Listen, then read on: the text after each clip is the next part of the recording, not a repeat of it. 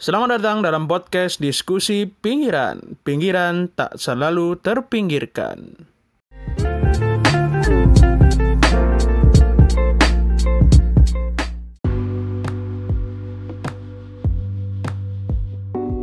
Assalamualaikum kembali lagi di podcast diskusi pinggiran. Di episode kali ini kita masih akan membahas tentang seluk-beluk corona di Indonesia dengan topik spesifik yakni Quo penanganan corona di Indonesia. Nah kalau di bahasa Latin kan secara harafiah itu uh, Vadis itu kan artinya ke mana engkau pergi ya. Nah ini kira-kira penanganan corona ini mau dibawa ke mana? Nah bersama saya Agaton Kensanan kali ini saya ditemani oleh bintang tamu spesial yakni Wisnu Prastio. Beliau ini adalah senior saya di tempat kerja ya. Jadi beliau ini adalah wartawan juga. Tepatnya kepala satuan tugas uh, eh, COVID-19. Jadi khusus meliput COVID. Kalau di media kan biasanya ada uh, desk ekonomi, des hukum, politik. Nah ini ada COVID nih karena ada COVID nih. Gimana ceritanya waktu itu Mas Wisnu bisa jadi kasat gas ini? Oke, okay.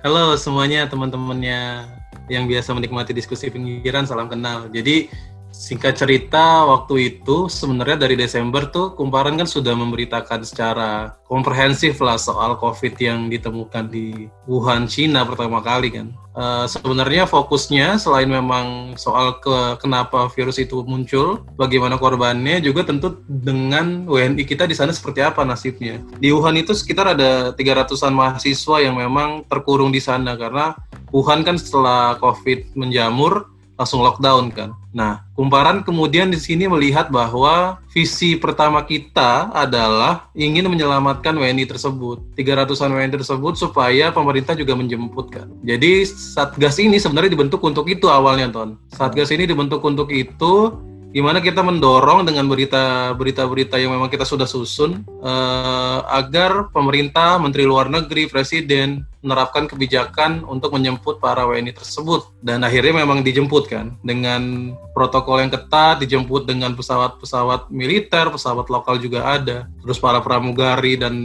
apa namanya krunya juga pakai APD. Itu momen yang memang menjadi awal tonggak kenapa kemudian Satgas ini dibentuk kan. Jadi Satgas ini terdiri dari banyak deston ada news, kemudian ada science, ada juga travelnya kita masukin, ada ekonominya. Jadi seperti satgas pada nasional saat ini kan. Dan ada, jurnalisme data ya.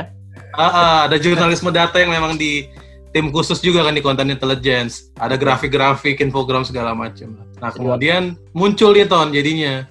Uh, kita nggak yakin nih kenapa sih corona belum muncul nih sampai Februari Padahal di Iran sama Italia sudah puluhan ribu orang kena kan. Bahkan kalau Agaton ingat kan ada kalimat-kalimat nyeleneh kan. Uh, iya, Kenapa nasi kucing corona nggak ada nasi kucing, menhub, terus kata terawan karena kita sering minum jamu makanya kuat. Alah segala macam banyak lah di awal-awal itu yang kemudian menyebabkan uh, orang-orang tuh sebenarnya menyaksikan. Menurut lo gimana? Kalau orang-orang nyangsiin nggak sih Februari kemarin tuh kalau ya, corona belum ada? Karena pemerintah uh, menyaksikan dan juga ikut membercandai gitu nggak ada corona di Indonesia jadi ikut-ikutan gitu masyarakatnya gitu jadi abai yes. juga gitu kalau uh. dari nah ini ngomong-ngomong soal kasatgas ya mungkin uh, semua yang ada di sini uh, bersifat pribadi ya tidak mewakili perusahaan kantor di Kumparan hmm. atau uh, satuan tugas tersebut sendiri tapi ini adalah bersifat personal view ya waktu itu nah sekarang kita udah WFH nih jadi awalnya cuma pengen jemput, uh, dorong menjemput mahasiswa di Wuhan. Sekarang corona bercokol sudah hampir enam bulan gitu dengan hmm. 140 ribu kasus nih. Nah, kasusnya tepatnya itu ada 141 370 yang positif per 17 Agustus kemarin. Nah, uh, ini kan kalau kita ingat-ingat dari awal itu uh, pemerintah meremehkan corona, terus kemudian kebijakan nggak ingin lockdown, inginnya PSBB. Kasusnya belum turun, eh udah pengen new normal. Nah, waktu itu juga ada sempat prediksi-prediksi uh, dari beberapa lembaga ya, misalnya BIN, kemudian ada dari universitas juga yang bilang kalau corona ini puncaknya ini akhir Juli gitu tapi sampai sekarang ini kalau kita lihat dari corona pekanan tuh masih naik terus gitu bahkan setelah Jokowi marah-marah ke menteri gitu katanya nggak punya sense of crisis dan ya masih kerja biasa aja padahal kita ini sedang dalam menghadapi krisis. Nah sebenarnya hmm. nih Mas Yusuf kalau dari ya udah enam bulan hampir enam bulan ya ini kalau uh, kuliah ini udah jadi ini nih apa namanya hampir satu semester nih kuliah corona nih di di kantor. Ini sejak awal arahnya ke mana sih penanganan corona di Indonesia ini kan kita bahas Covadis ya mau ke mana gitu? Iya iya iya. Sebenarnya dari awal yang tadi sempat disinggung ya mereka para pejabat kita itu sebenarnya udah sudah meremehkan uh, si pandemi ini, kemudian tidak mau menerapkan kebijakan lockdown, uh, eh, PSBB juga apa ya kita bisa bilang PSBB itu cuma apa ya samaran doang lah. Intinya pemerintah itu nggak mau menanggung beban ekonomi yang ditanggung sama masyarakat kan. Kalau lockdown itu kan semua semua kebutuhan dari masyarakat kan di diambil alih sama pemerintah. Seperti kalau kita ingat ada Wuhan, Vietnam, uh, Malaysia yang secara kasus terbukti ditekan dengan baik kan. Uh, New Zealand juga lockdown ini tidak lockdown seluruh negara pada dasarnya kalau di New Zealand, tapi mereka bisa mampu untuk menghentikan wabah. Jadi persepsi dari pemerintahnya adalah untuk menghentikan wabah. Sementara kalau kita lihat dari pemerintah kita, uh, ini ber berkaca dari penanganannya ya sejauh ini adalah ada beberapa faktor yang gue bilang ini yang ini yang membuat pemerintah kurang serius dalam menangani wabah ini. Pertama apa ton?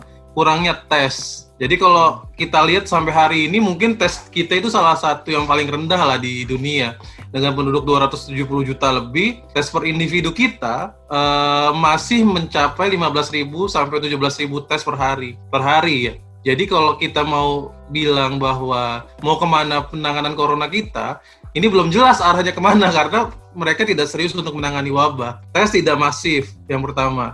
Baru cuma Jakarta nih Ton yang kemudian melampaui standar WHO dengan mencapai 40 ribu tes per individu dalam satu minggu. Kenapa tes ini penting? Karena tes ini bisa mengetahui sejauh mana corona atau pandemi ini terkendali. Kalau kita mau menyelesaikan pandemi tidak ada cara lain kecuali yang pertama ini. Apa namanya? Bagaimana tes itu bisa diperbanyak. Yang kedua adalah faktornya kita tidak punya aturan yang ketat untuk menghentikan atau meminimalisasi mobilitas manusia virus ini kuncinya ada satu, pergerakan manusia. Jadi kalau kita bicara soal uh, bagaimana menghentikan virus ini, kita hentikan mobilitas sosialnya, mobilitas manusianya. Kalau memang kita tidak bisa menghentikan secara penuh, ini akan sulit untuk uh, menangani wabah. PSBB sudah berhasil kalau kita lihat berkaca kasus di DKI sebenarnya pas PSBB itu angka kasusnya bisa ditekan sampai 50 sampai 70 persen. Karena memang terbukti manusianya ditahan untuk bergerak, kantor ditutup, tidak boleh ada WFO, kemudian transportasi umum dibatasi dibatasi sangat ketat, pergerakan orang di, di diawasi. Ini yang menunjukkan bahwa pemerintah sebenarnya kalau mau serius ya seperti itu. Tapi ya belakangan 5 Juni PSBB transisi kemudian diterapkan, dilonggarkan PSBB-nya, orang kemudian sudah mulai tidak peduli dengan corona. Ini yang menjadi menurut gue dua faktor kunci kenapa gue sebut penanganan corona di Indonesia ini masih belum serius. Dan arahnya mau ke mana, kita juga belum tahu. Dan kebanyakan, satu lagi faktor yang menurut gue sangat penting adalah yang sering dibicarakan oleh oleh pemerintah adalah bagaimana kita mengatasi beban ekonomi. Kalau Agaton mungkin sering lihat atau sering dengar ya, beberapa pejabat kita nih uh, dalam memaparkan pendapatnya pasti selalu bilang bagaimana kita menjaga rakyat kita agar tidak miskin, agar tidak menjadi terjerembab di kemis apa ke jurang yang lebih dalam soal kemiskinan. Padahal kalau kita mau menghentikan kemiskinan ya kita hentikan dulu kesehatannya, kita bagusin dulu nih penanganannya. Itulah Ton. Oke. Jadi uh, intinya adalah tes, kemudian mobilitas sosial dan penghentian wabah secara khusus ya. Nah, mm -hmm. uh, kalau kita lihat kan ini tesnya di seluruh Indonesia yang ditampakkan itu cuma DKI aja ya. Hmm. Lain mungkin kemudian ada Yogyakarta juga kalau nggak salah. Nah sebenarnya tes itu uh, yang idealnya seperti apa sih mas? Uh, hmm. Sebanyak apa gitu kita harus mengetes karena kan kita tidak tahu mungkin berapa banyak tes yang harus dilakukan agar wabah itu terkendali. Yes, yes, yes. Sebenarnya gini, kalau kita bicara Indonesia kan negaranya kepulauan ya, karakternya beda-beda masing-masing provinsi. 34 provinsi kita tidak bisa sama ratakan. Jakarta sama NTT tentu saja akan berbeda Jakarta dengan Sumbawa, Jakarta dengan daerah-daerah kecil lainnya mungkin kita tidak bisa samakan untuk tesnya sebanyak Jakarta. Tapi yang paling penting adalah bagaimana kita terlihat untuk membuat sebuah komitmen testing ini benar-benar dilakukan untuk mengejar orang yang positif. Jadi ada yang namanya testing, ada yang namanya tracing. Jadi kalau kita bicara soal testing, jumlahnya itu sudah di, sudah ada standarnya mungkin secara umum tapi kalau gue pribadi gue nggak sepakat kalau memang standar itu diterapkan di semua semua provinsi ya. Uh, Jakarta sama Jatim menurut gue karakternya juga sama karena padat penduduknya kepadatan penduduknya sama pergerakan orangnya tinggi terus kasusnya juga memang terbukti banyak kan. Tapi yang menjadi uh, pertanyaan adalah setiap daerah itu harusnya punya apa ya punya indikator sendiri berapa banyak jumlah tes yang diukur. Kayak misalnya Ridwan Kamil di Jabar dia punya target 500 ribu kan tesnya kan hmm. dalam uh, dalam beberapa waktu lalu juga udah ngomong soal itu. Tapi kan sekarang baru di angka 178 ribu sampai 180 ribu tes yang masih jauh. Dia ngambil contoh sampelnya dia membandingkan dengan Korea Selatan. Jadi minimal satu persen dari jumlah penduduk uh, tes corona. Jadi menurut gua indikatornya itu diserahkan kepada Pemda Pemda masing-masing. Tapi ya indikatornya itu kemudian dimunculkan gitu loh, Ton. Ada transparansi yang disebutkan. Jadi kita hmm. nggak nerka-nerka nih. Bahkan kalau kita mau lihat kenapa NTT dalam seminggu terakhir nggak ada kasusnya, ya kita mungkin nggak tahu juga nih apakah memang mereka ada, ada atau enggak atau apa. Iya. Ya, kita mempertanyakan ya, bukan statement gitu ya.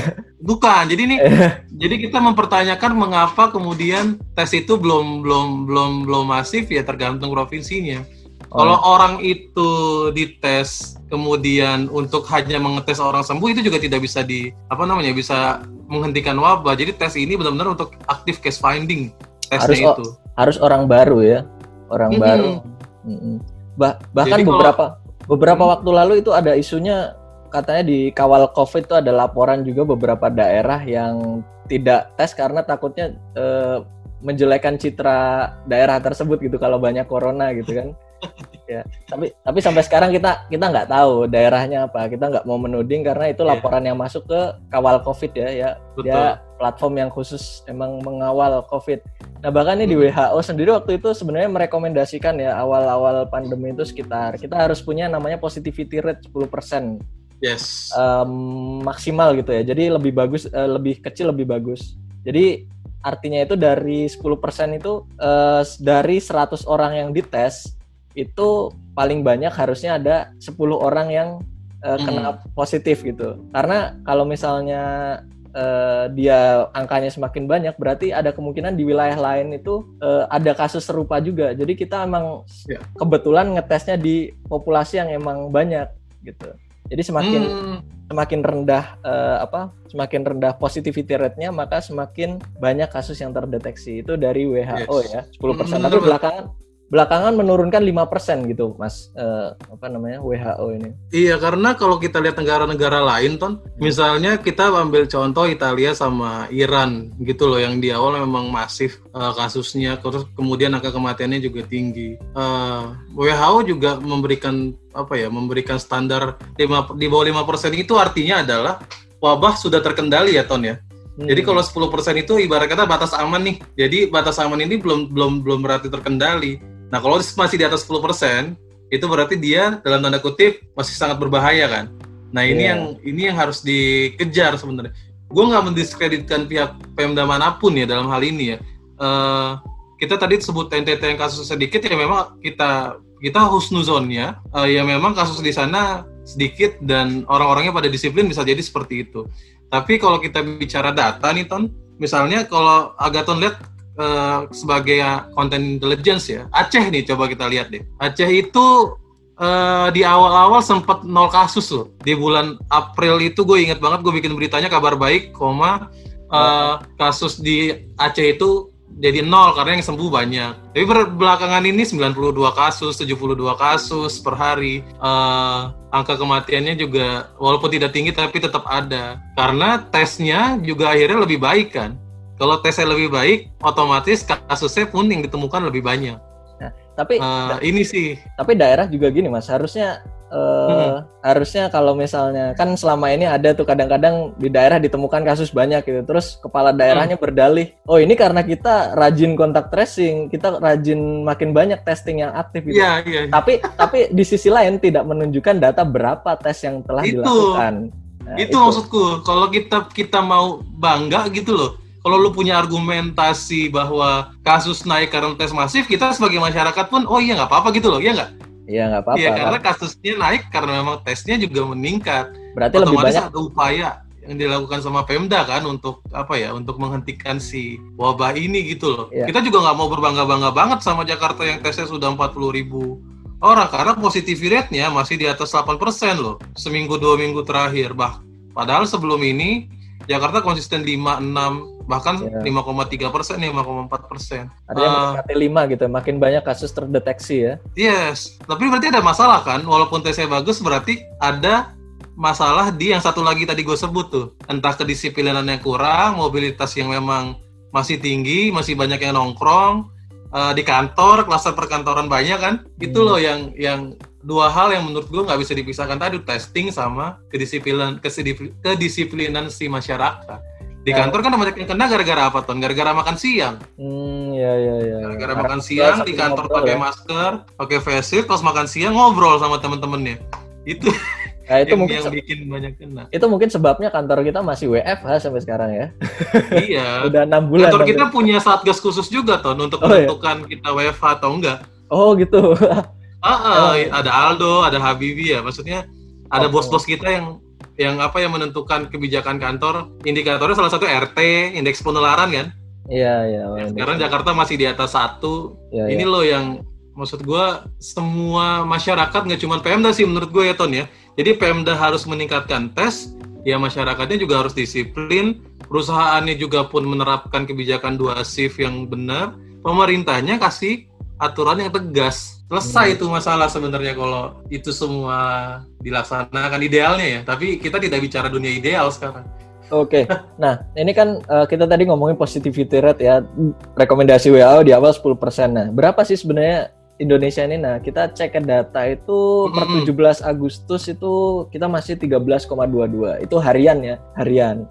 Jadi hasil bagi antara eh, kasus positif dengan total individu yang dites itu kita mencapai 13,22 persen. Jadi dari 100 orang yang dites itu ada 13 yang positif lah kira-kira kayak gitu kalau gambarannya. Nah eh, kita ngomong-ngomong soal penanganan corona nih masih Quovadis nih mau dibawa ke mana? Nah kan Jokowi itu sempat eh, bilang ke para menteri untuk mengganti strategi baru gitu. Jadi punya Hmm. strategi baru yaitu kampanye dua minggu pakai masker, kemudian dua minggu selanjutnya itu jaga jarak, kemudian baru cuci tangan gitu.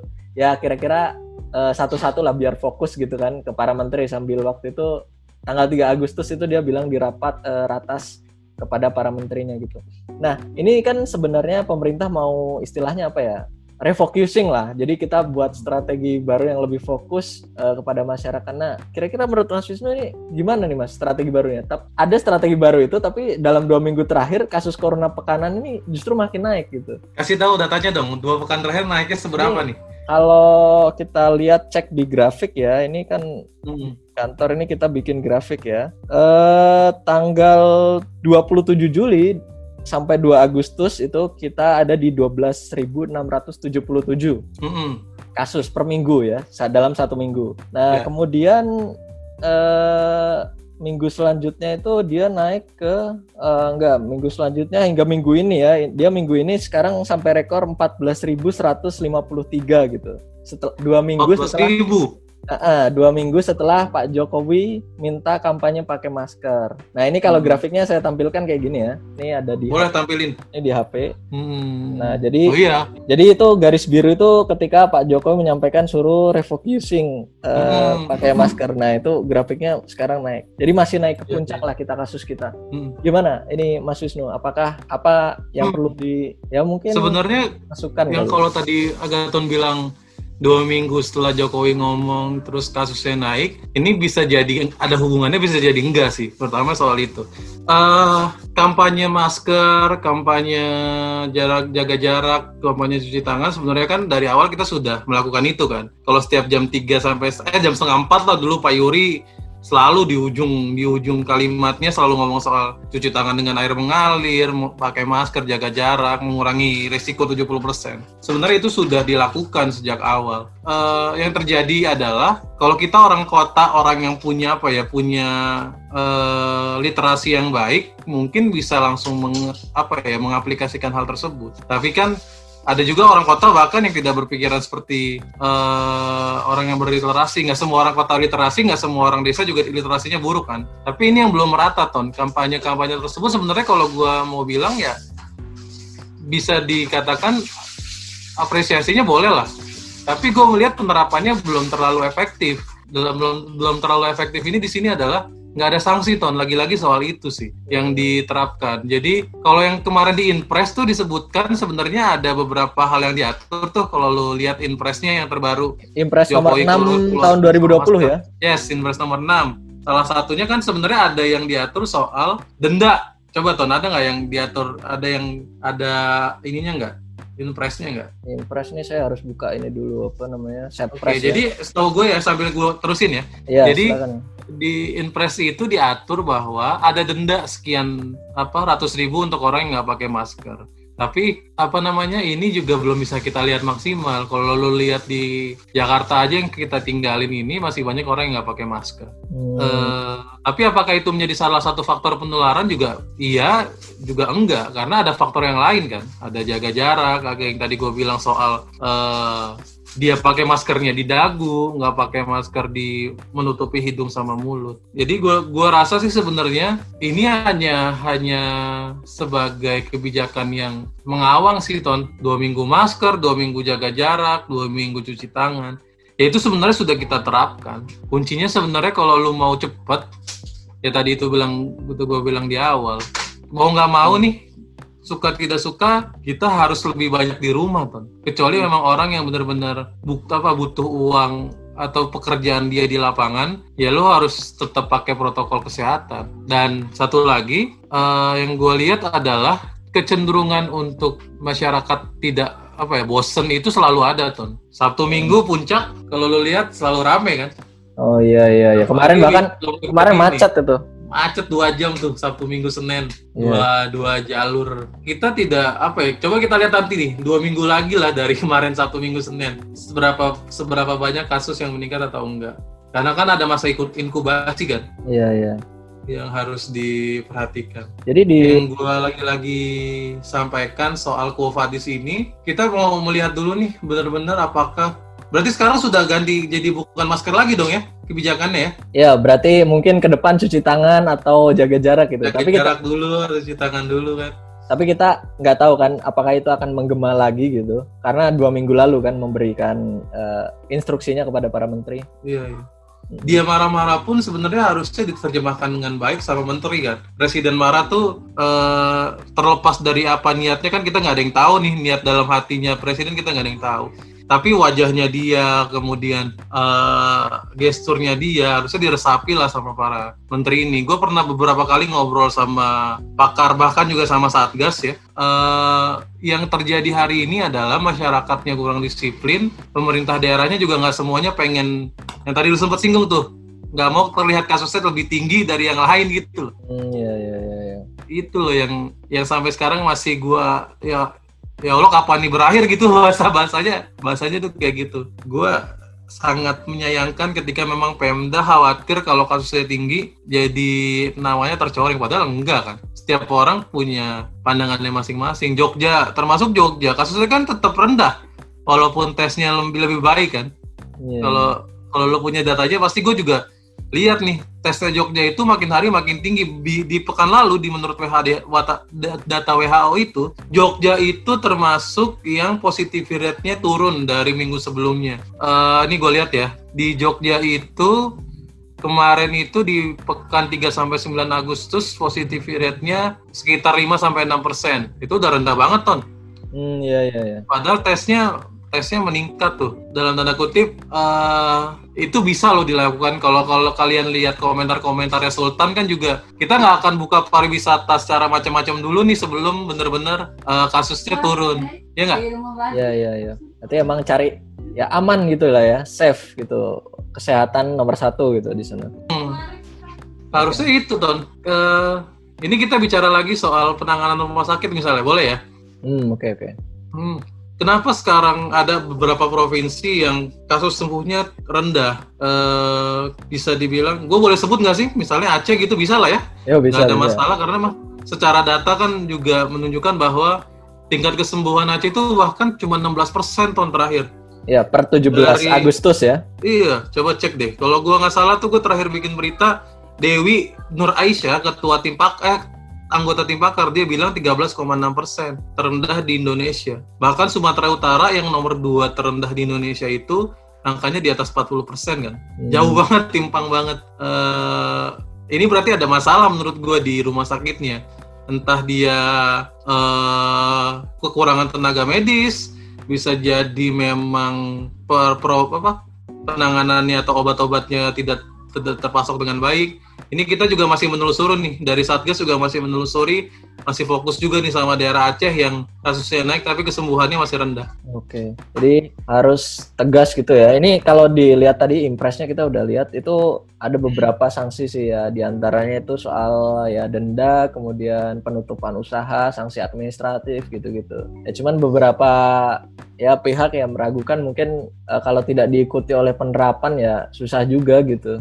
Cuman memang di sini kita melibatkan TNI dan Polri ya untuk membantu Satgas di daerah gitu. Menurut lu gimana Ton? Nah, ini kemarin- TNI Polri. Kemarin Dikit aja. kita kita sempat bahas di diskusi pinggiran ya mungkin takutnya itu ada militerisasi gitu deh. Ya khususnya di TNI ya kalau di TNI militerisasi sipil karena idealnya ya urusan sipil nih kita ya cukup Polri gitu kalau mau penegakan gitu. Oh iya, Kita iya ya. bisa maksud lihat gua di di podcast sebelumnya ya. mantap tuh dengerin tuh buat podcast sebelumnya. Jadi di sini ada lagi Ton yang mau didiskusikan. Jadi soal ini Mas, eh, soal contekan nih. Kalau kita kan enaknya nyontek gitu. Eh, apa kira-kira dari luar negeri apa yang bisa dicontek buat Indonesia gitu kan Hmm, penanganan corona? kita paling gampang bicara Malaysia mungkin ya Ton ya. Hmm. yang paling deket lah sama kita gitu loh. Malaysia itu menjadi wilayah yang sebenarnya kota kebanyakan kota kan, tapi secara kasus termasuk yang rendah juga di Asia Tenggara bahkan di dunia kan. Kalau gua lihat nih di menurut Worldometer kasusnya juga masih sangat rendah. Intinya mereka kan dari awal juga sudah menerapkan kebijakan lockdown kan. Iya ya. Eh, gua gua sih selalu menyaksikan bahwa lockdown ini ada sisi sisi negatifnya pasti ada maksud gua eh, kalau pemerintahnya nggak becus ya negatif hasilnya tapi kalau pemerintahnya memang bisa menunjukkan hal yang baik bisa menanggung apa namanya masyarakat dengan baik ya itu bisa, ter- bisa teratasi bahkan Malaysia hari ini cuma 211 kasus ton aktif aktif Oh. case-nya di Malaysia sekarang cuma 211 kasus lo bayangin. Sementara di Indonesia aktif case-nya sampai hari ini ada di angka 40.705. Ini ini bukan terlepas dari penduduk penduduk doang ya karena tesnya di Malaysia itu sampai sekarang juga termasuk tinggi. Dia itu tesnya di angka 1.114.246 spesimen. Dengan jumlah penduduk cuma 8 juta 6 juta 800, berarti total tesnya per 1 juta penduduk itu ada di angka 61.707. Wah, tinggi sekali ton, 61.707. Sementara Indonesia yang tadi sempat gue singgung di awal, sekarang ini tesnya masih di angka 6.939 per 1 juta penduduk. Oke. Kita bahkan kalah sama Filipina yang sebenarnya dalam tanda kutip juga ancur-ancuran penanganan yang 18.071. Jadi gue selalu menerapkan bahwa yang tadi satu Malaysia bisa menekan kasus karena mobilitas dibatasi, penerapan lockdown tegas, polisi dan segala macamnya juga terlibat, tapi dalam koridor memang untuk penegakan kedisiplinan kan, Ton. Nggak pakai masker, nggak pakai masker diting- didenda, kemudian bahkan juga sempat ada usulan di penjara segala macam intinya itu sudah menjadi bukti bahwa pembatasan kegiatan bisa berdampak ke turunnya kasus. Selain itu mereka juga jumlah tesnya tinggi. Lagi-lagi gue selalu bicara dua hal ini sih Ton. Hmm. Kalau kita bicara misalnya negara lain, apalagi yang berhasil misalnya Ton, New Zealand ya, Ya New Zealand. Walaupun beberapa hari terakhir ada kasus baru lagi ya, tapi kan itu karena impor ya, imported case. imported case. Hmm, tapi dia empat kasus ada aja langsung lockdown Auckland loh waktu di Hmm. awal seminggu yang lalu kalau nggak salah ya. Eh sekarang itu di New Zealand itu cuman ada 90 kasus aktif tahun bayangin tuh. Ya ya. Cuma Terus tesnya mereka 616.377 77 totalnya. tapi dengan penduduk cuma 5 juta, uh, jadi total tes per 1 juta penduduknya 123.234 tes. Itu dua apa ya? Dua negara yang menurut gua secara respon terhadap pandemi ini lebih baik daripada Indonesia sih. Oke. Walaupun jadi respon ada kasus nih Ton, kita kan nggak bisa memungkiri bahwa uh, peningkatan kasus tuh selalu berpotensi kan, selalu ada potensi untuk adanya kasus baru. Karena virus ini belum ada vaksinnya yang pertama kan. Walaupun Rusia sudah mengklaim adanya Sputnik kelima tuh tapi belum diproduksi secara massal kan. Iya, iya. Masih validitasnya juga belum tentu di apa di apa di bisa digunakan oleh seluruh masyarakat. Jadi menurut gue selama memang belum ada vaksin, eh, yang paling bisa dipelajari dari dua negara tersebut adalah itu tadi tes sama pengetatan orang bergeraknya benar-benar kuat. Oke. Jadi kalau kita mengulas dari pembicaraan kita eh, tadi itu kita fokusnya ini jadi mobilitas, kemudian tes diperbanyak dan hmm. komitmen pemerintah untuk penghentian wabah itu. Jadi kita yes. bukan apa ya, jadi kita nggak fokusnya nggak ke mana-mana gitu ke ekonomi ke mana gitu. Walaupun mungkin itu memang penting gitu ya, memang penting. Uh, kira-kira mas uh, saran buat pemerintah saat ini kan sekarang kita lagi develop vaksin ya. Saran dan harapannya apa mas ke depan buat penanganan kabar terbaru kan obat corona sudah ada nih ton yang pertama yang terbaru banget nih hari Sabtu kemarin oh Unair, Unair ya? hmm, Unair bin sama TNI AD lagi-lagi dua institusi yang memang tidak semestinya membantu tapi membantu efektivitasnya katanya 90% ton jadi dia kombinasi tiga obat yang memang sudah digunakan di seluruh dunia salah satunya hidrokloroquine nah ini juga menurut gua hari ini nanti dibahas juga nih kita akan pantau terus kumparan untuk ngebahas soal obat. Tapi menurut gue ini menjadi salah satu kabar baik lah. Uh, bagaimana obat itu bisa ditemukan. Kedua, soal vaksin, bocorannya adalah memang uh, Sinovac sudah memberikan dosis 5 juta sampai 10 juta untuk di bulan Desember ton. Hmm, okay. Itu kalau memang kita mau pakai itu uh, sebelum Bio Farma kan rencana Bio Farma mau produksi ulang nih dari si vaksin itu. Dan targetnya Januari 2021. Tapi Desember itu mungkin untuk tenaga kesehatan ya, tenaga kesehatan, orang-orang yang relawan-relawan yang sudah 1.800-an orang tadi. E, menurut gua dua hal ini menjadi kabar baik di tengah pandemi yang memang setelah, kalau di Indonesia berarti dari Maret, April, Mei, Juni, Juli, Agustus, lima bulan ya, lima bulan berjalan. Ini menjadi kabar baik. Tapi sampai itu benar-benar ada dan kejadian, eh, gue sih secara pribadi menyarankan pemerintah itu tadi meningkatkan tes dengan kapasitas yang cukup, tidak harus setinggi Jakarta, tapi harus setransparan Jakarta menurut gue tuh. Okay. Uh, dengan itu kita bisa mengukur bahwa wabah ini sudah terkendali atau belum. Dan buat masyarakat sebenarnya juga penting adalah lo harus punya mindset yang bisa menyelamatkan diri lu adalah diri lu sendiri. Tidak bisa orang lain, tidak bisa pemerintah, tidak bisa uh, kerajaan mana gitu masalahnya nggak bisa. Sudah empire. Sudah empire gitu. Uh, yang bisa sekarang kita tidak bisa berharap banyak sama yang lain karena kita sudah jelaskan dari awal bagaimana penanganan corona di Indonesia kan. Jadi kita tinggal berharap vaksin dan obat benar-benar ada sambil kita bisa menjaga diri kita masing-masing sih dan yeah. menjaga orang sekeliling kita yang punya penyakit komorbid kan. Yeah, Itu penyakit. paling dari gua sebagai penutup mungkin ya. Oke, terima kasih banyak Mas Wisnu sudah mau bergabung di diskusi pinggiran kali ini. Sangat menarik dan kita menunggu ya beberapa bulan lagi mungkin ya uh, sampai vaksin ditemukan kita mungkin masih harus terus uh, jaga jarak kemudian cuci tangan dan juga ya mengikuti protokol kesehatan. Kalau dulu itu kampanyenya masih populer tuh di rumah aja, tapi sekarang karena mungkin zamannya new normal ya. Jadi kita mungkin cukup uh, ikuti protokol kesehatan yang sudah diberikan oleh pemerintah. Dan yes. mungkin ini adalah akhir dari podcast diskusi pinggiran kali ini. Saya Agaton Kensanan undur diri. Mohon maaf apabila ada kesalahan. Terima kasih dan sampai jumpa di podcast diskusi pinggiran selanjutnya.